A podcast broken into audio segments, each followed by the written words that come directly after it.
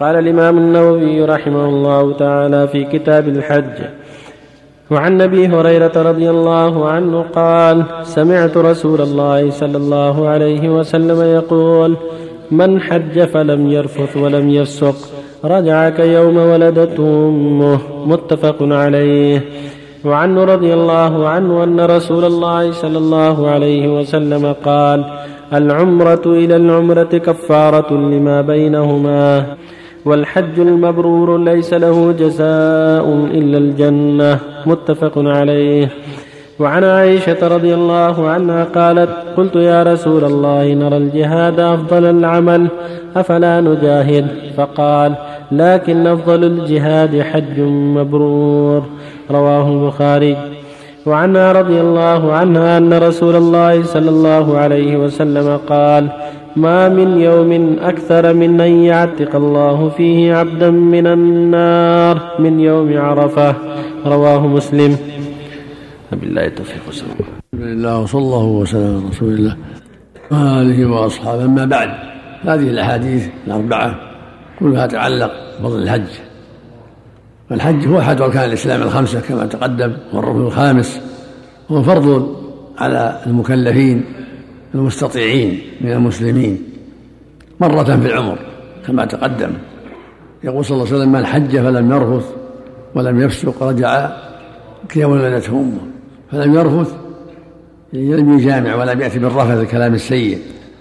ولم يفسق يعني لم يصر على معاصي. بل حج تائبا نادما لا معصية له. رجع كيوم ولدته أمه. وهذا فضل الحج وأنه يكفر السيئات. ويحط خطايا لمن لم يصر على المعاصي بل ابتعد عن الرفث والفسوق.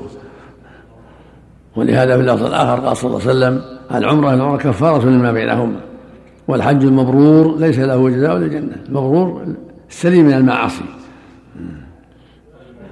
مع طيب النفقة وحل النفقة. والحديث الثالث تقول عائشة رضي الله يا رسول نرى الجهاد أفضل الأعمال. أفلا نحج؟ قال عليه الصلاة والسلام أفضل الجهاد حج مبرور نرى الجهاد أفضل الأعمال. أفلا نجاهد؟ قال صلى الله عليه وسلم نرى. قال صلى الله عليه وسلم لكن أفضل الجهاد حج مبرور وفي اللفظ الآخر عليكن جهاد لا قتال فيه الحج والعمرة. يعني عندها جهاد ليس فيه قتال هو الحج والعمرة. هذا نصيبهن من الجهاد الحج. فجهاد للرجال جهاد بالسيف لأعداء الله من شأن الرجال. أما النساء فجهادهن الحج والعمرة. والحديث الرابع قول صلى الله عليه وسلم ما من يوم أكثر عتيقا من النار من يوم من يوم عرفة. ما من يوم من يكثر الله فيه عتقا من النار من يوم عرفة. وإنه ليزنو فيباهي به الملائكة. ويقول سبحانه ما أراد هؤلاء. هذا الحديث يدل على فضل يوم عرفة وأن الله سبحانه يعتق فيه من النار أكثر مما يعتق بغيره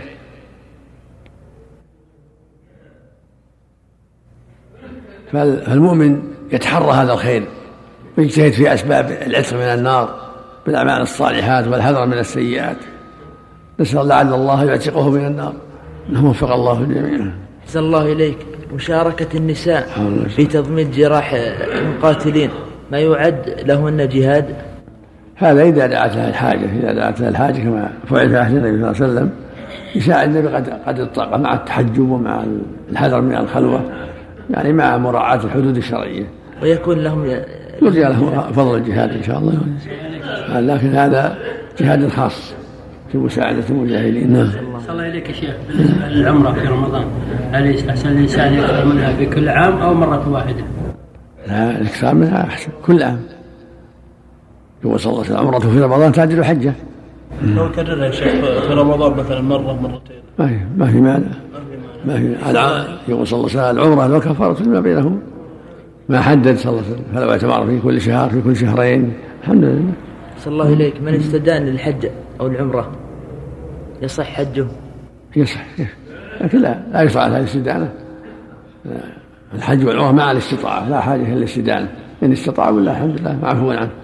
لا يتكلف أفتى, أفتى بعض كبار العلماء أن الأيام هذه آه، البذل في سبيل الله أفضل من كثرة العمرة في إيه. رمضان وغير رمضان. وأفضل وأفضل من الحج بعد. بعض في الجهاد من جهاد المجاهدين يقول النبي صلى الله عليه وسلم اي لما اي اي العمل افضل قال إيمان بالله ورسوله. قيل ثم أي قال الجهاد في سبيل الله. قيل ثم أي قال الحج مبرور الحج بعد الجهاد. نعم كثرة العمرة يقول يقولون لا تكثرون العمرة. لا. أفضل أفضل لكم أن تعطوا المحاويج. هذا محل اجتهاد. العمرة مشروعة تكرارها مشروع. وإذا تصدق إن شاء الله كلها على خير. كلها على خير.